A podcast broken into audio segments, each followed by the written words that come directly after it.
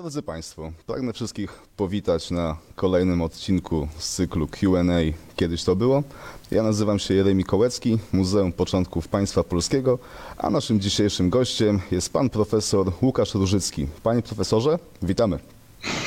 Dzień dobry Państwu, dzień dobry Panie Prowadzący. A może już dobry wieczór, bo to tak, taka godzina, że. A, Panie profesorze, słowem wstępu prosiłbym o krótkie przedstawienie swojej osoby. szanowni Państwo, przedstawić swoją osobę zawsze jest ciężko, więc ja powiem po prostu, czym się zajmuję zawodowo.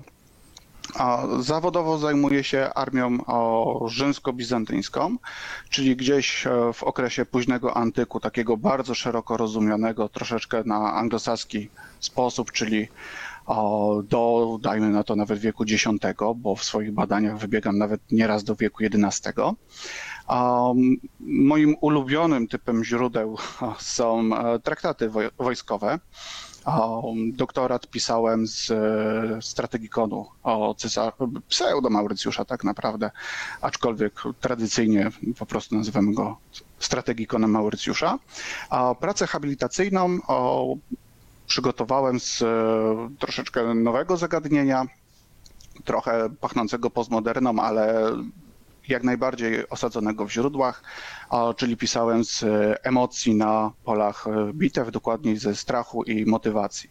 Czyli analizowałem sposoby, w, jaki, w jakie sposoby rzymscy dowódcy wpływali na swoich żołnierzy, próbując ich zmotywować, a z drugiej strony jak próbowano demotywować przeciwnika.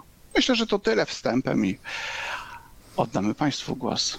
W takim razie przechodząc do pytań, bo też nie ukrywam, że przed samą transmisją pojawiło się ich sporo, mniej bardziej szczegółowych, dotyczących różnych zagadnień.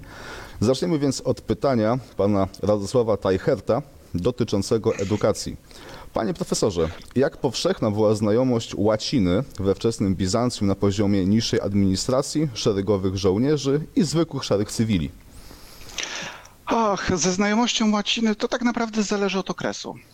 W późnym, w późnym antyku łacina była dość powszechnie stosowana. W armii wschodnio-rzymskiej łacina była jednym z obowiązkowych języków.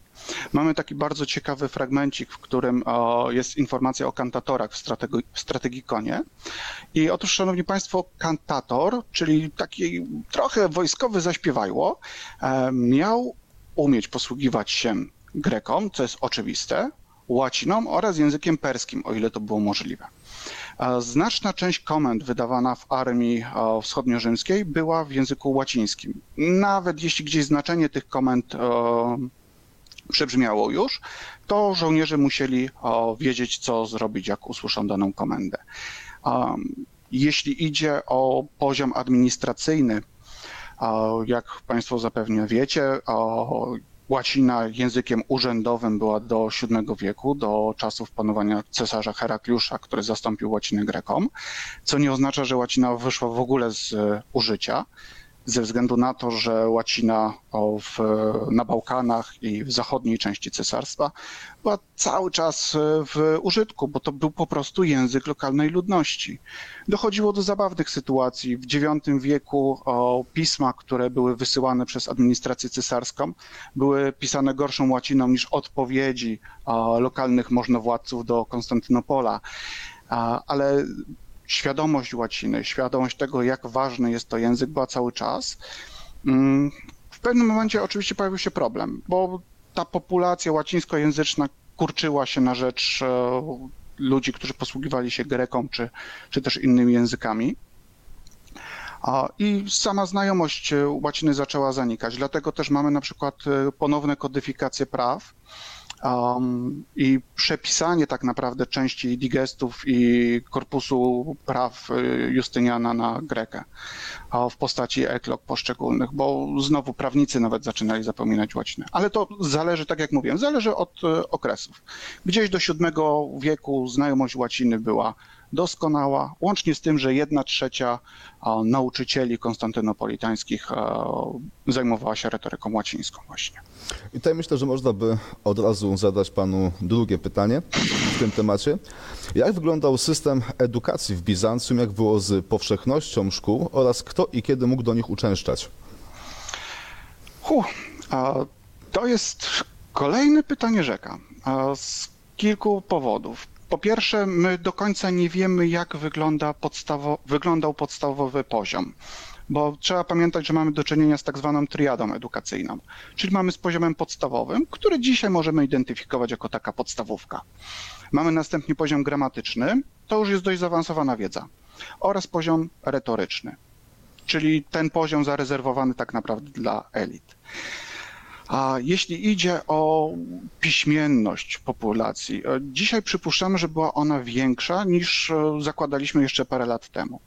Em, Po pierwsze, w codziennych relacjach oczywiście mieszkańcy Konstantynopola, mieszkańcy e, cesarstwa korzystali z usług skryb.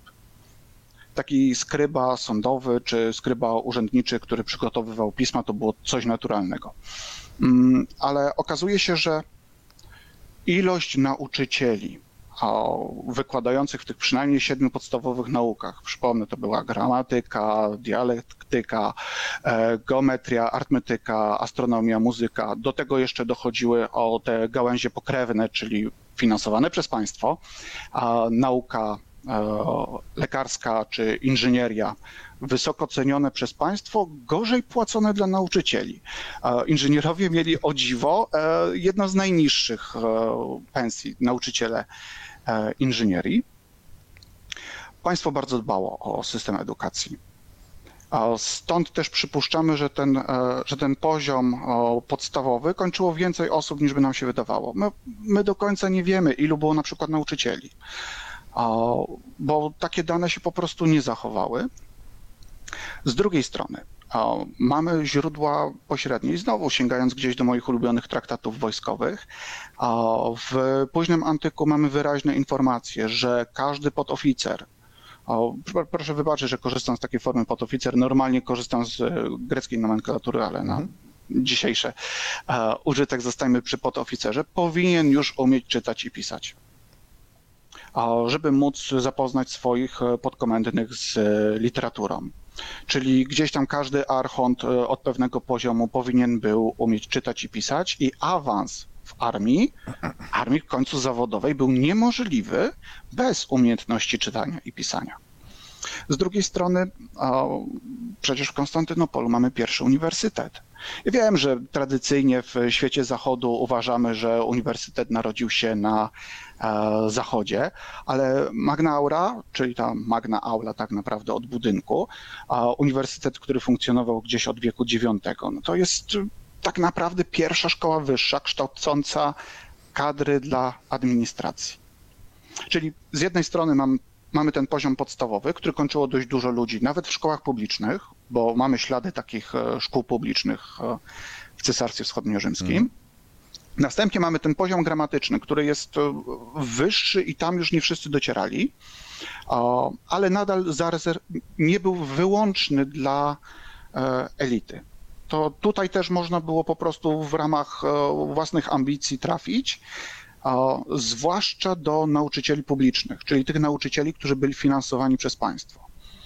Taki nauczyciel finansowany przez państwo wybierał uczniów pod względem tego, który był wystarczająco ambitny, wystarczająco zdolny.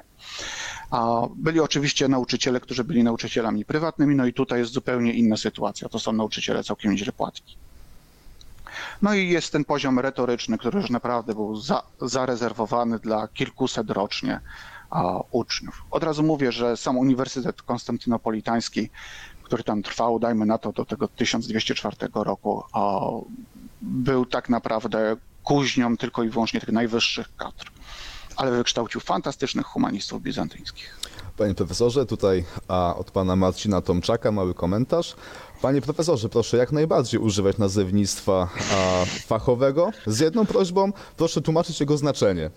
Więc Okej, ty- to tylko tak przekazuję. naprawdę- Dobrze, to w takim razie dekarcha, czyli gdzieś tam dziesiętnik, powinien już był o, znać się troszeczkę chociaż na literkach. A troszkę jeszcze zostając w tym temacie edukacji, a w zasadzie tego, co z niej wynika, czyli innowacji. Czy poza osławionym ogniem bizantyjskim bądź ogniem greckim, Bizantyjczycy stworzyli jakieś inne, innowacyjne metody anihilacji przeciwnika? A, tu można odpowiedzieć bardzo krótko tak. E, szanowni Państwo, jeśli idzie o postępy na polach bitew, to tak naprawdę Bizancjum dało początek wielu innowacjom, które w Europie się zaszczepiły. Zresztą czasem doprowadzając do śmiesznych sytuacji. E, Anna Komnena opisując e, krzyżowców pisze o kuszy jako barbarzyńskiej broni, z którą się pierwszy raz zetknęła. E, przy czym to Bizantyjczycy tak naprawdę dali zaczątek kuszy na zachodzie posługując się nią w Italii w tym okresie wczesno czy średnio-bizantyńskim. Faktycznie później kusza zanika w cesarstwie, na zachodzie funkcjonuje dalej. Trebuszet jest kolejnym takim przykładem. Nawet nazwa jest przecież francuska, bo udoskonalony faktycznie, ale wynalazek jak najbardziej bizantyjski, gdzieś koło VI wieku ładnie się nam pojawia już w źródłach. Opis bardzo fachowy, co świadczy o tym, że ten trebuszet już wcześniej funkcjonował szybkie okręty wojenne, dromony, które też e, bardzo, bardzo ciekawą konstrukcję stanowiły. Wprowadzenie nowych, nowych bądź e, udoskonalonych sposobów e, opancerzania żołnierzy. Ta lamelka, która tak naprawdę z cesarstwa bizantyjskiego znowu wychodzi przecież na cały świat. Bardzo często była sytuacja, że mamy do czynienia z sposobami zabijania ludzi, które funkcjonują od stuleci, ale w tym mrokach średniowiecza Zachodu zaginęły, a Bizantyńczycy ponownie wprowadzili je do obiegu.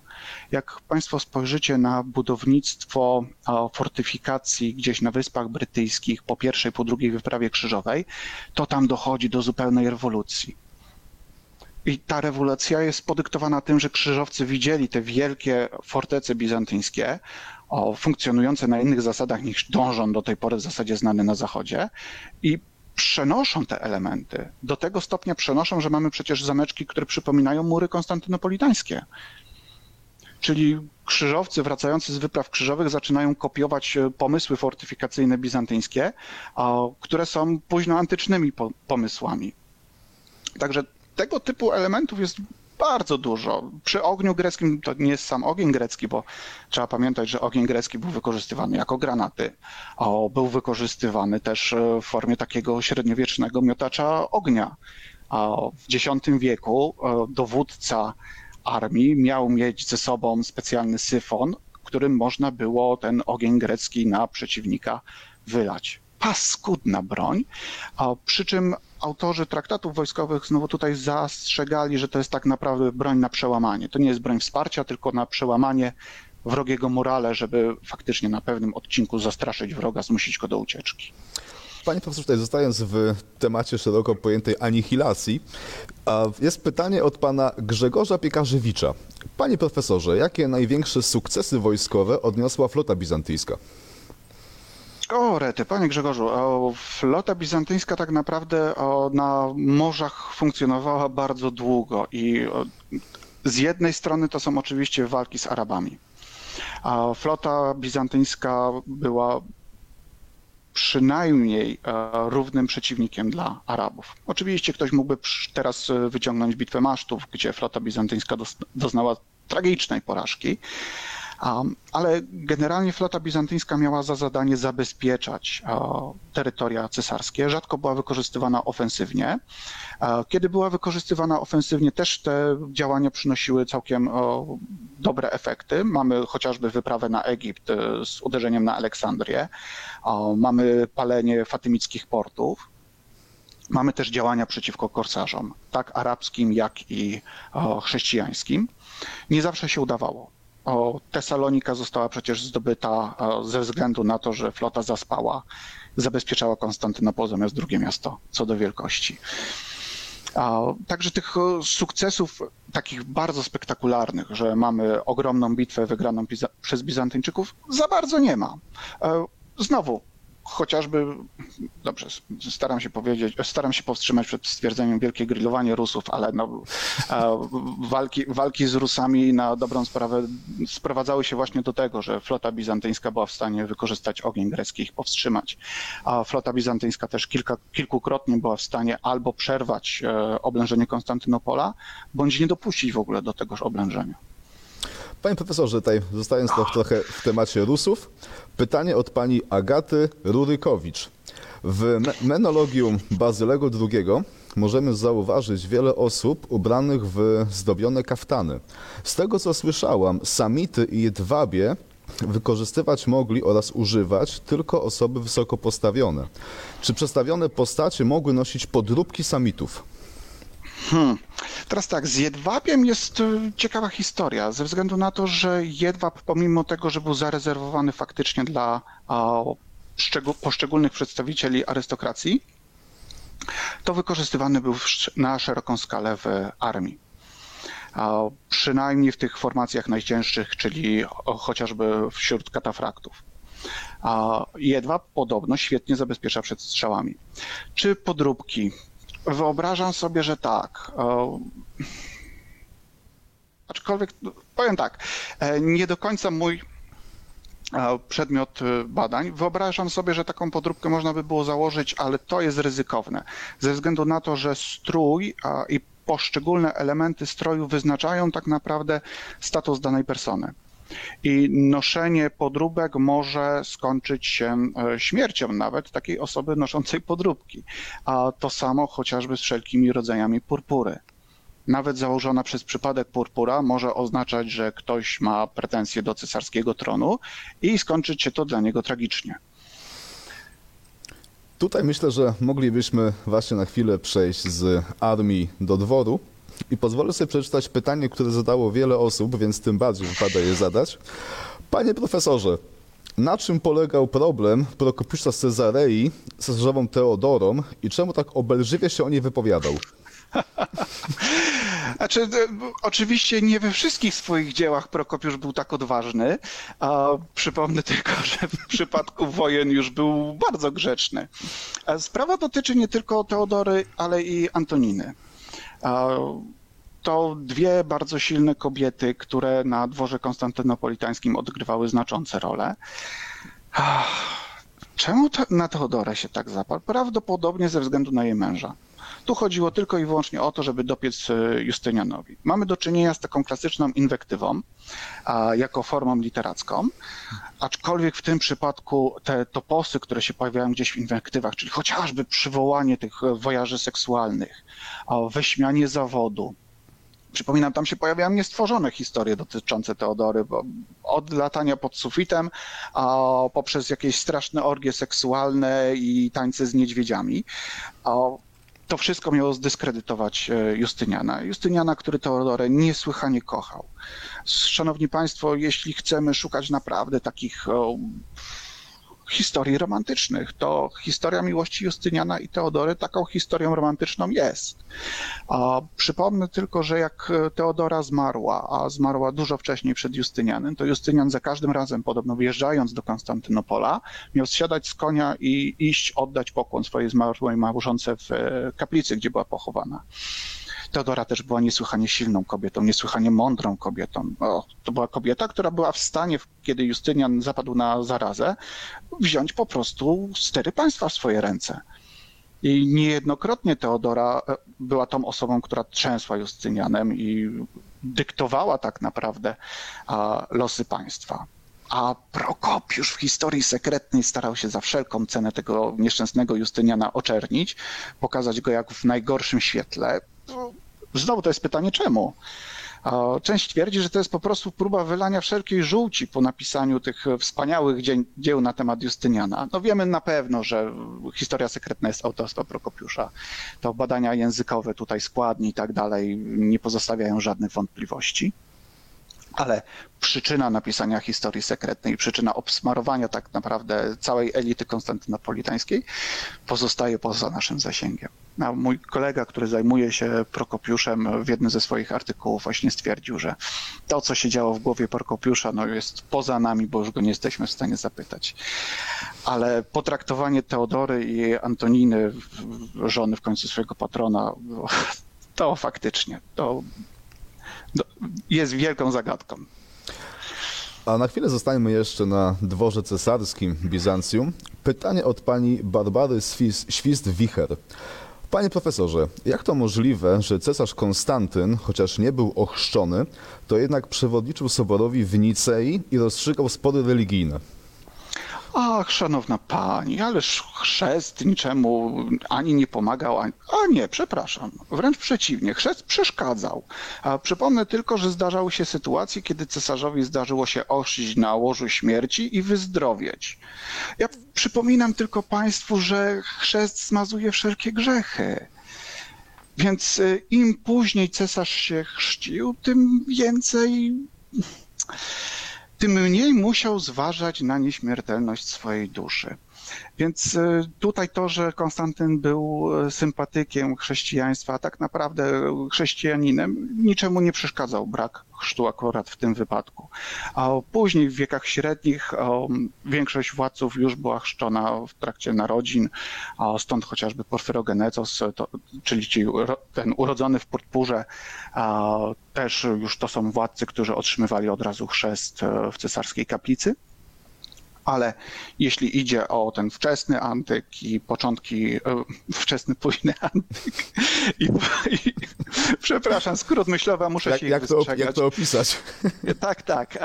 O te wcześniejsze czasy, kiedy mamy dojście chrześcijaństwa e, do, i ten mariaż chrześcijaństwa z państwem, w czasach Konstantyna i późniejszych, to tutaj niczemu nie przeszkadzało, żeby cesarz e, nie był ochrzczony, e, żeby mógł zasiadać e, jako przewodniczący obrad Soboru Powszechnego. Pierwszego, to jest w ogóle Sobór jest niesłychanym wydarzeniem. Cesarz, cesarz stający na czele kościoła i jednoczący kościół z państwem, to jest gigantyczna historia. A kolejne pytanie. Nie ukrywam, że jest to pytanie padające wiele, wiele razy w wielu różnych formach, więc pozwolę sobie zadać je w takiej formie uściślonej. Panie profesorze, jak w zasadzie doszło do powstania Gwardii Wareskiej i co mówią źródła o jej skuteczności bojowej? Huh.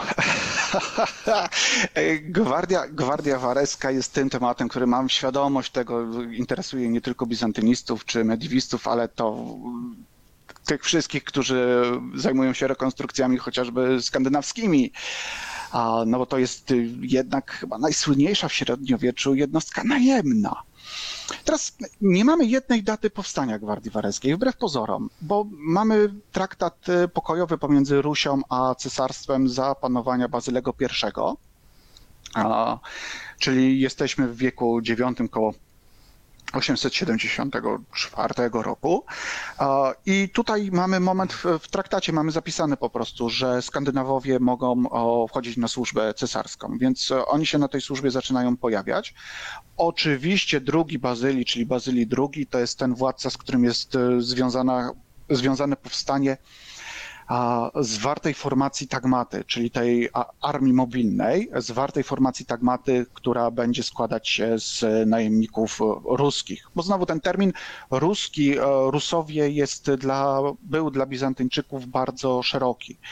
To nie tylko ci, którzy pochodzą z Rusi Kijowskiej, to nie tylko Skandynawowie, ale też ci, którzy pochodzą z Wysp Brytyjskich czy z terenów Francji. Więc e, tutaj pole, że tak powiem, e, rekrutacyjne było bardzo duże. No i mamy tę sytuację, w której Włodzimierz przysyła e, Bazylemu II, który o tą pomoc prosi, dość znaczny oddział kilku tysięcy wojów, którzy mają pomóc Bazylemu zatrzymać tron, utrzymać tron. E, przypominam, Włodzimierz Wielki był nie tylko ze względów na dokonania militarne, ale też na politykę. Włodzimierz w ten sposób pozbył się swoich żołnierzy, którzy kosztowali go najwięcej, byli najbardziej kłopotliwi, najbardziej rozrabiali, byli najbardziej skorzy do walki, a tej walki akurat dla nich w tym momencie nie było. Więc to była tak zwana sytuacja win-win. Bazylii przy okazji był winien Włodzimierzowi, no, z rękę swojej... Żonę, w zasadzie żonę. Dokładnie, z rękę swojej siostry Anny, którą Włodzimierz później musiał wymusić w sposób militarny znowu. E, ale to powstanie Gwardii Wareskiej, jak sami Państwo słyszycie, to jest pewien proces, który trwał, bo napływ tych e, najemników e, północnych był dość długi. On nie zaczął się w czasach panowania Bazylego II, a znacznie wcześniej. Rusowie byli bardzo cenieni. E, Byli bardzo cenieni, jasne, od razu Państwo widzicie tego wielkiego skandynawskiego najemnika, tak, z toporem, długą, rudą brodą. A, oczywiście jesteśmy w świecie popkultury, więc e, z tatuażami na czole i tak dalej. E, Ale, Szanowni Państwo, pomimo tego, że Rusowie faktycznie byli bitni, to te oddziały były bitne, to oni byli też zdyscyplinowani. To widać doskonale w XI wieku, kiedy dyscyplina armii bizantyjskiej się troszeczkę załamuje. A mamy oddziały ruskie, mamy oddziały Gwardii Wareskiej, które w ogóle się nie wybijają. One robią swoje. To jest niesłychane. To są żołnierze, którzy.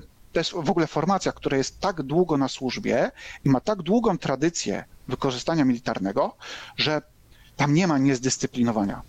Oni wszyscy są doskonale zdyscyplinowanymi żołnierzami. To jest ogromna ich zaleta.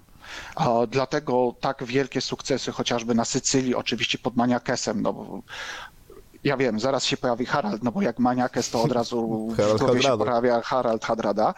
A, ale nie tylko, źródła syryjskie nawet, słuchajcie, szanowni państwo, a przepraszam, armeńskie w tym wypadku tutaj, e, o Michale myślałem Syryjczyku, wymieniają dokonania poszczególnych żołnierzy Gwardii Warejskiej. Mamy sytuację, w której na przykład dwóch Waregów jako pierwszych wpada do twierdzy arabskiej. To jest wielkie osiągnięcie, bo to oni utrzymują bramę i pozwalają reszcie armii wtargnąć do środka. Pod Manzikertem w 1071 o, część podań sugeruje w zasadzie, że jedynymi, którzy nie opuścili cesarza, to Gwardia Wareska, która stała przy władcy.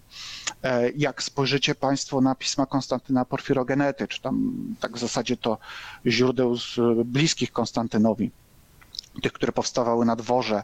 A mamy taki piękny dodatek do De Ceremonis, e, w którym mamy opisane, opisaną rolę cesarza na, w trakcie kampanii. I tam jest rozmieszczenie poszczególnych jednostek, które maszerują, kiedy cesarz jest obecny. Gwardia Wareska jest w centrum. To ona osłania cesarza, bo oni byli tak dobrzy, byli tak lojalni. Także to nie chodzi o tych poszczególnych wielkich wojów, a tak naprawdę o poziom zdyscyplinowania. Rynsztunek trochę też, bo Waregowie wykorzystują częściowo swoją broń. Um, Pselos nie wiedział jak opisać i w pewnym momencie u Pselosa pojawia się Ronfeja.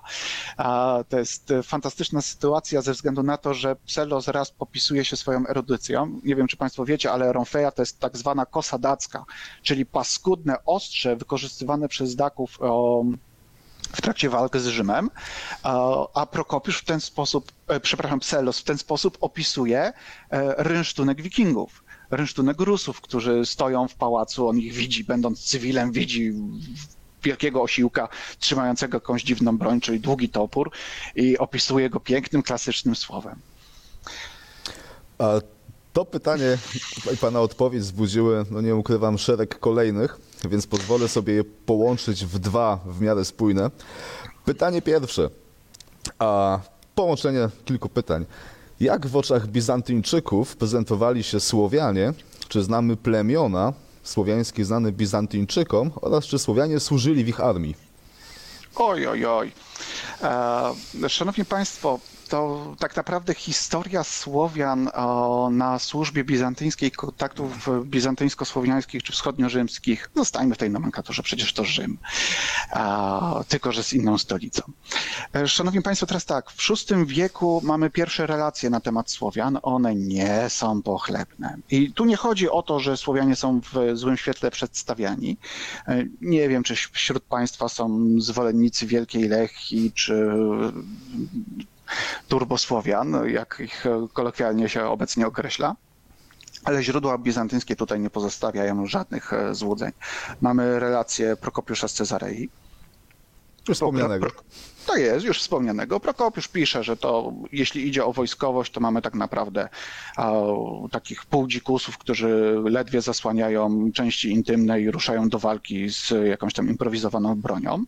Następnie mamy Jana z Efezu, który już e, dokładnie opisuje, zaznaczając, że Słowianie nauczyli się już walczyć i walczą nawet lepiej niż Rzymianie. Także to są takie początki. Rzymianie mieli fantastycznie rozpoznane poszczególne plemiona. To w e, historii Teofilakta e, Samokatty mamy pięknie opisane walki ze Słowianami. A Słowianie mieli wiele sposobów na zaszkodzenie armii rzymskiej, pomimo tego, że w otwartej bitwie zwykle sobie nie radzili.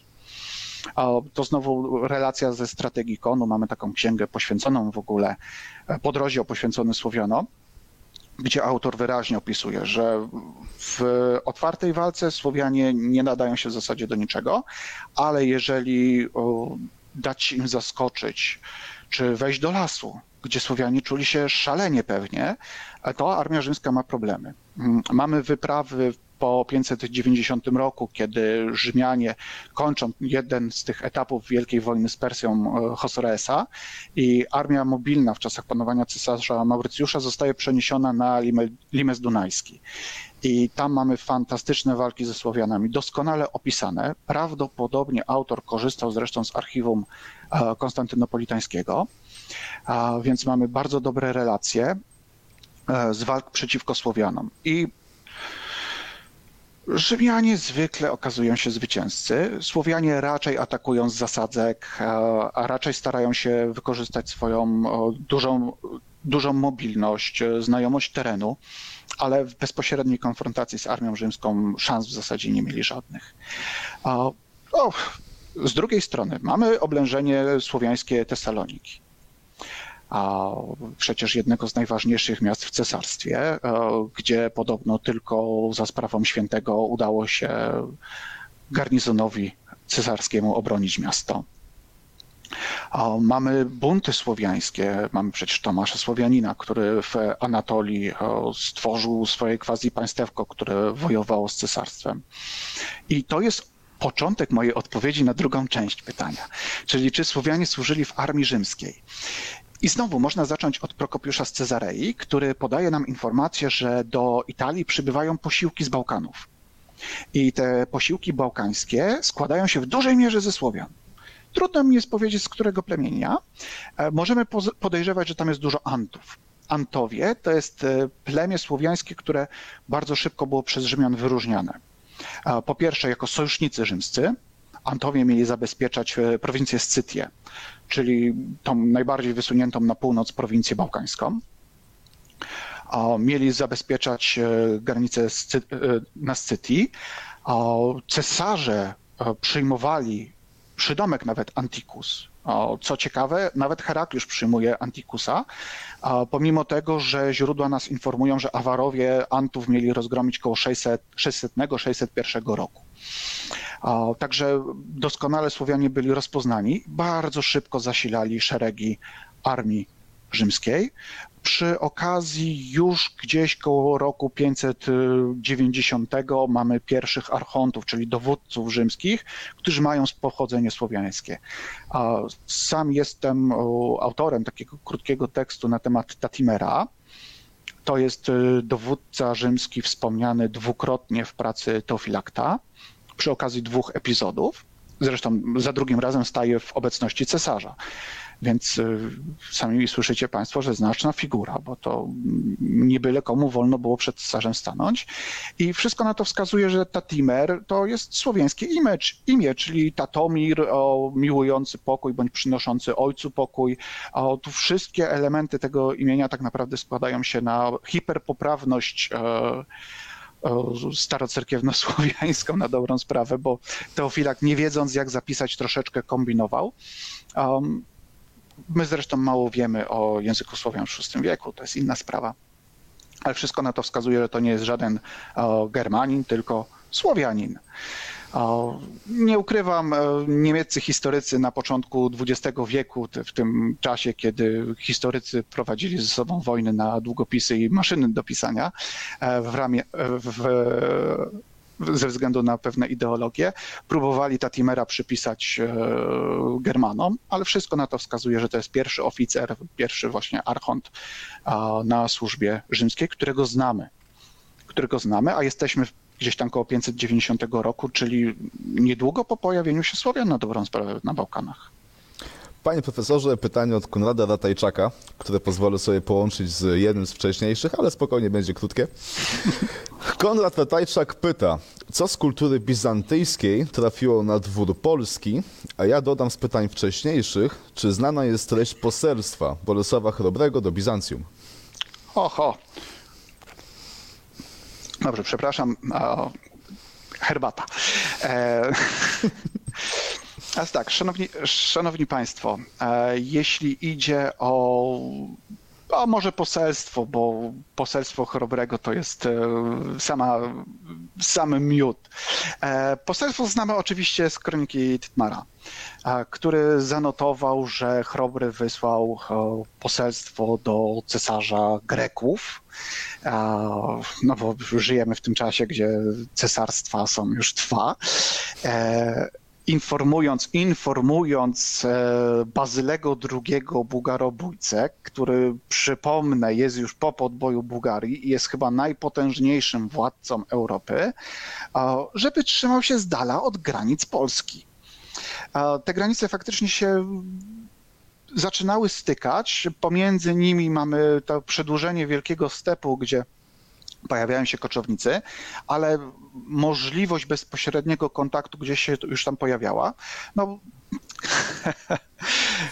chrobry jak to chrobry w swoim stylu, o, wygrażając, no dobrze, za, najpierw zapewniając o wielkiej przyjaźni, ale później z dozą groźby, że jeżeli cesarz nie posłucha, to będzie nieprzyjacielem chrobrego skala sił obu państw jest ciężka do porównania. No, drużyna Chrobrego w porównaniu do gdzieś tam 60, 70 czy nawet 100 tysięcznej armii wschodniorzymskiej, to, to, to nie jest żadna skala, tu nie ma czego porównywać. A jeżeli idzie o wpływy Cesarstwa Wschodniorzymskiego na naszych terenach. E, Ja wiem, że Państwo gościliście panią profesor Koćkę Kręc, którą zresztą sam z wielką przyjemnością wysłuchałem pani profesor. I to tutaj pani profesor najwięcej mogłaby powiedzieć e, jako odkrywczyni e, Palatium na Ostrowie. Przecież tam mamy mozaikę ruską. E, Ruską, czyli bizantyjską e, z teserami złoconymi. Na dobrą sprawę, jak spojrzymy na wpływy, no przecież w Bodzi mamy cmentarzysko, gdzie pochowani są Rusowie w ekwipunku z dużą ilością zapożyczeń bizantyjskich, łącznie z przedmiotami sakralnymi pochodzącymi z e, cesarstwa. Na naszych ziemiach znajdujemy solidy cesarskie. Oczywiście to są rzadkie wypadki, ale znajdujemy tak samo jak monety arabskie, czyli ten handel funkcjonował. Prawdopodobnie z naszych terenów też trafiali niewolnicy na rynek konstantynopolitański, tą drogą z e, Waregi do Greki słynną. To, że naszym sąsiadem na dobre i złe była Ruś Kijowska, to też automatycznie oznaczało bardzo szerokie wpływy bizantyńskie. Jak będziecie mieć Państwo okazję gościć w pięknym Lublinie, to proponuję wybrać się do Kaplicy Królewskiej, jest, e, której freski są po prostu bizantyńskimi. Więc tych wpływów bizantyńskich na naszych terenach e, jest dużo. W dużej mierze one są drugiego stopnia, czyli przechodzą przez Ruś, e, ale wiemy z drugiej strony, że Jagiellonowie wysyłali na przykład zaopatrzenie do Konstantynopola w trakcie pierwszego tureckiego oblężenia w XV wieku, więc e, gdzieś ta przyjaźń, przecież mamy wymianę przy okazji 1444 roku, wymianę poselstw z Konstantynopolem i prośby o powstrzymanie przeprawy wojsk tureckich. To już są oczywiście czasy, którymi ja się mm, naukowo może nie tak bardzo zajmuję, ale te kontakty polsko-bizantyńskie były. One nie były częste ze względu oczywiście na to, że kiedy my zaczęliśmy jako państwo rosnąć w siłę, to cesarstwo zaczęło opadać z tych sił, ale tym niemniej one były. Pytanie Grzegorza Piekarze, a pytanie myślę warte zadania. Mianowicie, jakie postacie w dziejach Bizancjum potrafiły rządzić z drugiego szeregu i którzy cesarze byli ich marionetkami? Czyli pytamy o szare eminencje dworu bizantyjskiego. O, rety. Znaczy tak, e, ja nie będę tutaj wchodził w szczegóły, bo znowu o, to jest e, zbyt długa historia. No, mamy oczywiście Teodorę, która jest taką silną kobietą. Mamy całą plejadę eunuchów, którzy na dworach, Konstantynopoli, na, dwo, na dworach w Konstantynopolu potrafili zakulisowo tą władzę wprowadzić. O, mamy władców może nie tyle marionetkowych, ale takich, którzy musieli słuchać się doradców. Nie wiem, Romana Diogenesa. Ja przy Romanie nie powiem, że to był władca marionetkowy, bo to był władca silny, ale w wielu przypadkach po prostu musiał korzystać z pomocy, o w ten sposób powiedzmy, e, administracyjnej. Bo musicie też Państwo wiedzieć, że w pewnym momencie w Cesarstwie Wschodniorzymskim wykształciły się dwie rywalizujące ze sobą frakcje, czyli frakcja wojskowa, arystokracji wojskowej i frakcja arystokracji administracyjnej, tej konstantynopolitańskiej. I bardzo często było tak, że pomimo stanu napięcia, ciągłego napięcia pomiędzy tymi dwiema grupami, władcy wywodzący się z poszczególnych grup i tak uciekali się do wsparcia drugiej. To oznacza, że jeśli ktoś był władcą, który pochodził z e, wojska, tutaj znowu Roman Diogenes, niech będzie, a to musiał podpierać się kimś, kto dobrze znał środowisko administracyjne. No i tu można przywołać chociażby Psellosa, który takim doradcą nie zawsze dobrym cesarza był, bo Psellos też grał swoją grę i nie należał do zwolenników rządów Diogenesa. Także często też te figury, które odgrywały znaczenie zakulisowo, po prostu nam nikną, bo my nie mamy o nich informacji. Musicie Państwo wiedzieć, że część e, historii bizantyjskiej gdzieś nam znika w tych e, mrokach średniobizantyjskich, e, gdzie mamy po prostu mało literatury część wydarzeń musimy z Teofanesa wyznawcy chociażby rekonstruować, bo inaczej się nie da. A na chwilę wrócimy do armii bizantyjskiej. Zawsze bardzo chętnie. Pytanie jest krótkie, ale spodziewam się, że odpowiedź może być długa, ale taki zadam. Mianowicie, czy istniały pieśni marszowe żołnierzy bizantyjskich oraz jak ich odżywiano? Huh. Teraz tak, jeśli idzie o pieśni marszowe, o... na pewno jakieś istniały, ale tak jak z pieśniami rzymskimi marszowymi, nie za bardzo wiemy, jak one mogły brzmieć. Armia rzymska, e, wschodnio-rzymska przesycona była religią chrześcijańską. Wiemy, że żołnierze bardzo często recytowali modlitwy, żyli religią. Tej religii faktycznie w ich życiu było bardzo dużo, więc możemy przypuszczać, że żołnierze maszerowali i śpiewali pieśni religijne. Ale oczywiście to nie jest tak do końca, bo w pieśniach musiał się pojawiać alkohol, kobiety i to, jak łatwo pokonamy przeciwnika. I tutaj na pomoc przychodzi nam e, sylwetka kantatorów, o których ja już wspomniałem na początku naszego dzisiejszego spotkania. Kantatorzy to byli zaśpiewajle. To taki zaśpiewajło właśnie wojskowy, który z jednej strony miał podawać przemowy dowódców, bo znowu sam system przemów nie wyglądał tak, jak jest nam serwowane chociażby w kinie, że mamy Aleksandra Wielkiego, który przejeżdża tak, przed frontem armii, krzyczy i wszyscy go słyszą. Przemowy, przemowy przed e, dużymi starciami faktycznie miały miejsce, ale one były dużo rozsądniej, dużo wykonywane. Czyli takim sposobem Cezara, bo wiemy chociażby, że, Cezar tak robił, wiemy, że Aleksander Wielki tak robił, wiemy, że w zasadzie wszyscy dowódcy bizantyńscy tak robili. Czyli rozmowy, mowy takie przekazywali w formie piśmiennej kantatorom. Kantatorzy szli do swoich jednostek i je odczytywali. W przypadku Cezara mamy delegację Legionu, która na przykład później przy, przychodzi do Cezara i dziękuję, że w przemowie wspomniał akurat o ich jednostce. I teraz tak, kantator z jednej strony miał przekazywać e, informacje od dowód, znaczy przemowy dowódcy, ale z drugiej strony miał umilać żołnierzom o czas w trakcie marszu. No i tutaj możemy się spodziewać różnych e, sprośnych przyśpiewek. E, mamy Karminę Buranę. Ja wiem, że ona się nie odnosi do Cesarstwa Wschodnio-Rzymskiego, ale istnienie Karminy po prostu potwierdza, że no, te piosenki niekoniecznie wszystkie były religijne. A zdarzały się takie jak Intaverna, tak? E, przypominam, tam jest rozważanie nad losem e, zwykłego człowieka przy kieliszku czegoś mocniejszego, bo tam wino się lało w tej tawernie opisanej w tym utworze dość e, szerokim strumieniem. Ale nie znamy tekstów nie znamy tekstów, wiemy jak wyglądały przemowy przed y, bitwą, bo z taktyki Leona, filozofa, mamy zachowany taki szablon przemowy. E, zresztą myślę, że to jest właśnie odpowiedź na to, czy żołnierze potrzebowali tylko tych modlitw, bo tam jest e, w tej przemowie jest informacja o tym, że przeciwnik jest łatwy, będzie łatwo go pokonać, e, przecież już to wielokrotnie robiliśmy, Bóg jest z nami, a, cesarz nagrodzi e, wysiłek znaczną ilością pieniędzy. Czasem pojawiały się też informacje o kobietach w obozie przeciwnika. To w przypadku wa- walk z Persami, czyli w wcześniejszym okresie. Czyli takie motywatory, które gdzieś tam przez stulecia żołdaków porywały do walki. Jeżeli idzie o wyżywienie Armii Wschodnio-Rzymskiej, od razu mówię, tak, pito wino e, mieszane z e, wodą. Bardzo często było to po prostu cierpkie wino. Racje, racje mięsa również były. Teraz znowu zależy o którym okresie mówimy, bo jeżeli mówimy o tej zawodowej armii gdzieś do czasów Herakliusza czy troszkę późniejszych, to mamy do czynienia z taką armią, która jest aprowizowana w sposób centralny przez o, dowódców. Więc mamy centralne magazyny, mamy nie tylko ekwipunek, ale i żywność, która jest dostarczana po prostu na bieżąco.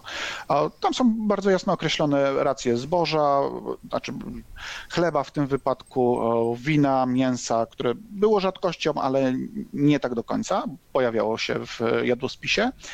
Jeżeli idzie o armię temową, czy później tagmatę, czyli tą armię zawodową, która uzupełniała e, tematę, to tutaj, jeśli idzie o wyżywienie, mamy mniej informacji. Czyli to już zależy od strategów temowych, którzy w ogóle funkcja stratega temowego jest troszeczkę inna niż takiego klasycznego dowódcy, o którym myślimy wojskowego. To nadal są zawodowi wojskowi, ale oni pod swoją opieką, poza tym, że mają armię, mają też cały system administracyjny, który zajmuje, znajduje się na danym temie. I do ich zadań po prostu było przygotowanie żołnierzy do walki. Czyli tak naprawdę ciężar zaopatrzenia żołnierzy, ciężar wyżywienia tych żołnierzy przechodził z e, cesarza czy tam z magistra militum e, dla poszczególnych obszarów na strategów temowych, którzy o to mieli dbać. Sytuacja nieco się zmieniała przy okazji wypraw e, Armii Centralnej. Wiemy, że były magazyny, wiemy, że te magazyny były wzdłuż tych klasycznych dróg rzymskich. Co w tych magazynach się znajdowało? No znowu możemy tylko spekulować, że takie standardowe wyżywienie, gdzieś e, chleb, oliwa, troszkę mięsa, raczej bez owoców. Takie żelazne racje.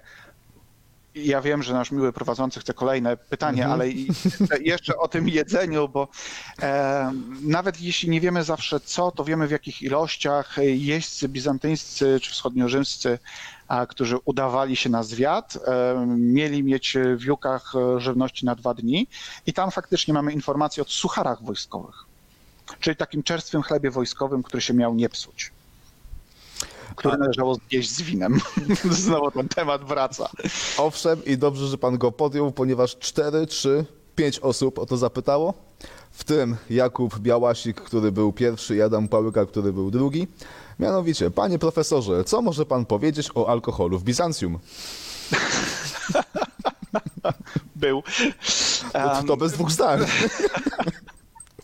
Oczywiście, oczywiście wschodni, wschodni Rzymianie lubowali się w winie. Wina było dużo o różnej mocy, bo wino było spożywane na co dzień w tej formie mąconej z wodą, czyli dzisiejszego krasi, czyli to nie było wino mocne, to było wino do napicia. E, Co więcej, kiedy Rusowie przybywali do Konstantynopola na handel, czyli ja znowu gdzieś tam mentalnie wracam do tego połowy naszej rozmowy, kiedy Rusowie przybywali do Konstantynopola, to wracali z owocami, wracali oczywiście z pawłkami, czyli z jedwabiem, który się też już e, u nas pojawił, i z winem które było tak dobre, że Rusowie wieźli je do siebie.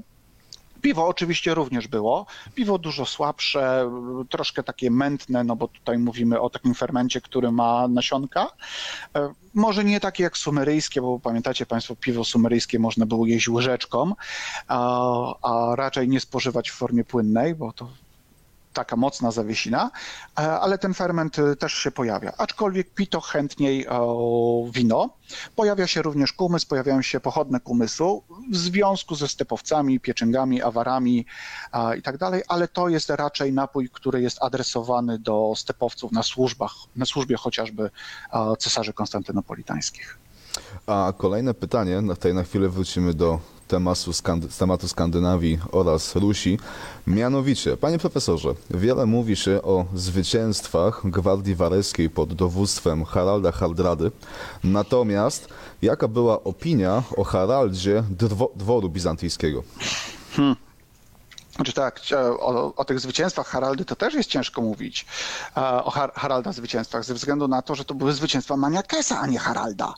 E, To, że Snorri nam snuje wizję, że strategos bizantyński sobie, a Harald ze swoją radosną gromadką sobie, to jest, to jest fantazja Snorriego i wcześniejszych e, e, sagopisarzy. Oczywiście Harald był świetnym żołnierzem, na pewno potrafił fantastycznie motywować. Jeżeli idzie o stosunek e, elit konstantynopolitańskich do Haralda, to znowu mamy dwie rzeczywistości, bo mamy Kekaumenosa, który jako jedyne źródło bizantyńskie pisze o Haraldzie.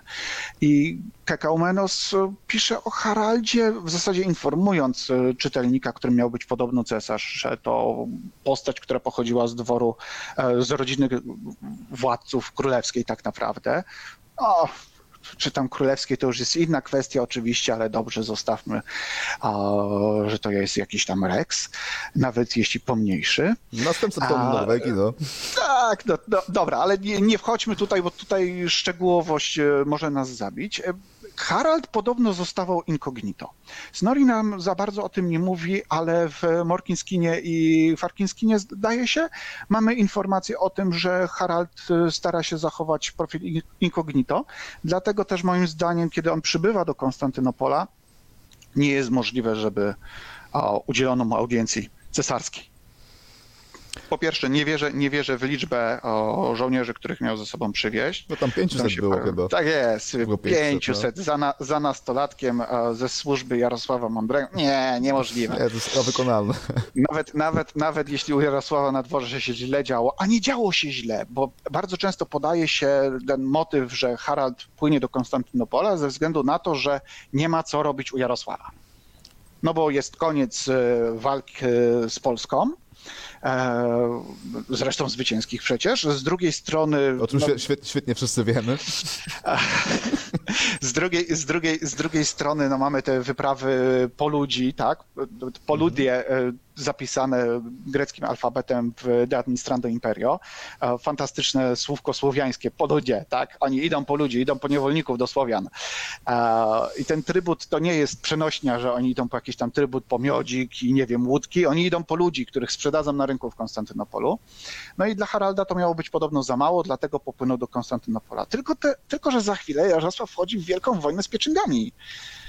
I tych wojów potrzebuje, więc ja nie wyobrażam sobie, żeby on wypuścił 500. Mógł powiedzieć, dobrze, Harald, możesz płynąć, szukaj złota, żeby móc pojąć za żonę moją córkę. E, No bo przecież Jarosławówna miała być e, żoną Haralda. Tam też się pojawia taki romantyczny No, ale- wątek. Ale to dużo, dużo później, kiedy już Harald wracał z Bizancjum przez Ruś do No nie. Norwegii. Nie, nie, ale to sagi, sagi sugerują, że Harald był nie wart jeszcze wtedy o, ręki e, o, żony Jarosława, dlatego miał popłynąć do Konstantynopola, żeby zdobyć dla siebie fortunę. Przypominam, że on tą zresztą fortunę zdobywa kradnąc.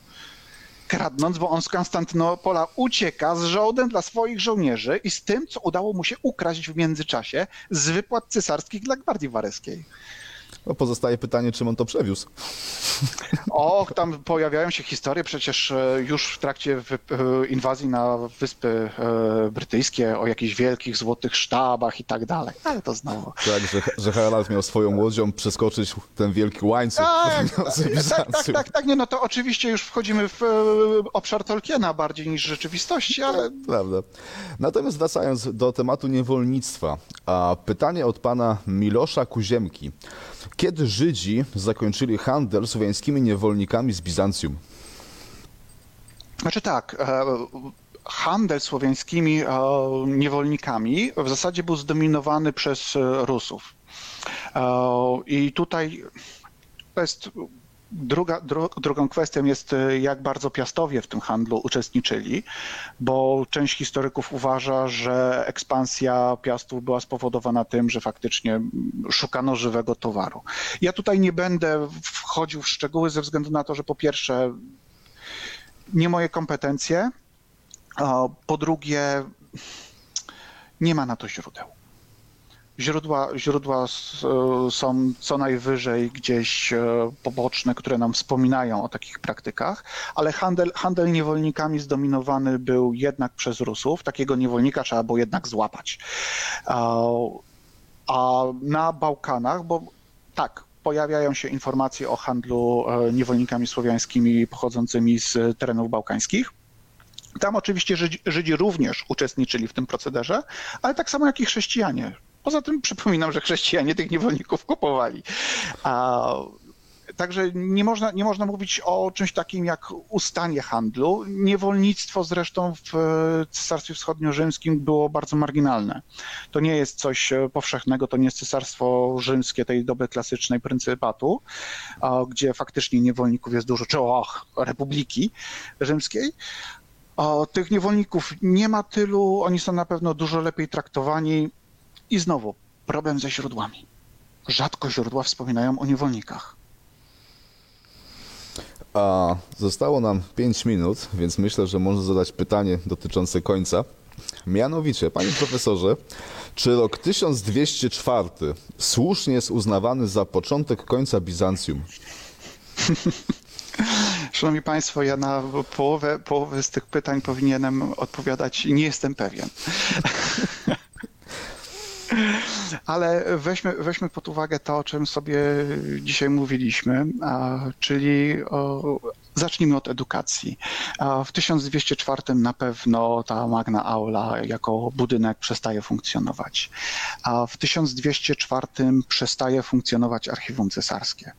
Nie jesteśmy pewni, czy to archiwum spłonęło akurat w 1204 roku, ale później nie mamy o nim informacji. Wcześniej też już nie ma informacji, bo tam ostatni kurator jest znany nam chyba z 50 czy 60 lat e, wcześniej, ale ten 1204 pasuje tutaj. Po 1204 roku, po czwartej wyprawie krzyżowej, po zdobyciu Konstantynopola przez e, łacinników, to cesarstwo bizantyjskie, cesarstwo wschodnio-rzymskie, e, wywodzące się z antyku, faktycznie zmienia się diametralnie. Paleologowie jako dynastia nie byli źli. Mieli swoje wzloty i upadki, tak jak każda wielka dynastia, która rządziła przecież po łacinnikach. Stworzyli państwo jednak w dużej mierze już etnicznie jednorodne. I tam faktycznie, jak do 1204 roku, jeśli ktoś cesarza bizantyńskiego nazwał cesarzem Greków, to go chciał obrazić na dobrą sprawę. To na zachodzie nie do końca o tym wiedziano że ci cesarze panujący w Konstantynopolu na to się obrażają. Ale zresztą Zachód, patrząc na Konstantynopol i patrząc na Cesarstwo Wschodnio-Rzymskie gdzieś koło X wieku, robił wielkie oczy. bo, bo to był inny świat. Tu nie ma średniowiecza, tu jest trwający antyk z wyścigami na hipodromie, z funkcjonującym akweduktem, ze stolicą, która liczy 100 tysięcy albo i więcej mieszkańców. Trudno jest oszacować, ilu dokładnie mieszkańców miał Konstantynopol, co po niektórzy twierdzą, że w momentach tej swojej największej chwały ponad pół miliona. No to teraz wyobraźcie sobie Państwo poselstwo gdzieś z Paryża, gdzie tam parę tysięcy ludzi maksymalnie, wkraczające do Konstantynopola przez złotą bramę, na szczycie której stoją złote słonie, o, wszystko jest wyłożone marmurami. Na dzień dobry stoi urzędnik, który pieczętuje broń, jak ktoś zerwie tą pieczęć e, z broni, to znaczy, że użył miecza, sprawdza, czy nie ma czegoś do oclenia, nakłada od razu podatek, stąd się między innymi bierze bizantyńs bizantyńska administracja, którą się dzisiaj tak szafuje. No to była po prostu sprawna administracja. Tu nie chodzi o jakiś przerost. No, dla Zachodu wszystko było przerostem, bo więcej niż 10 urzędników państwowych to już ojeja i wszyscy, piśmie, i wszyscy piśmienni. A dla cesarstwa to było coś naturalnego. Tak samo przebiegły jak Bizantyńczyk czy bizantyńskie sztuczki. To też wynika z tego, że pojęcie honoru na Zachodzie było zupełnie inne. Dla Bizantyńczyków liczył się sukces, zwycięstwo w walce. I teraz w 1204 roku faktycznie wiele, wiele z tych rzeczy się kończy, ale nie można mówić o początku końca, no bo cesarstwo wraca, dalej będzie pełnić bardzo istotną rolę na Bałkanach i wschodzie, bo przecież te posiadłości w Anatolii, te mini państewka, które przetrwały cesarstwo Trebizondy pod e, władaniem wielkich Komnenów, to cały czas będzie trwać i cały czas będzie wpływ, cały czas trwało w średniowieczu po 1204 roku i wpływało w sposób znaczący na dzieje świata. Panie profesorze, jeśli pan się zgodzi na jeszcze jedno pytanie dopełniające tą myśl. Jasne mi się, ja jestem gaduła, więc W takim razie, żeby dopełnić właśnie myśl upadku Bizancjum, pytanie od pana Sebastiana Szymkowiaka. Jak tak naprawdę upadło Bizancjum?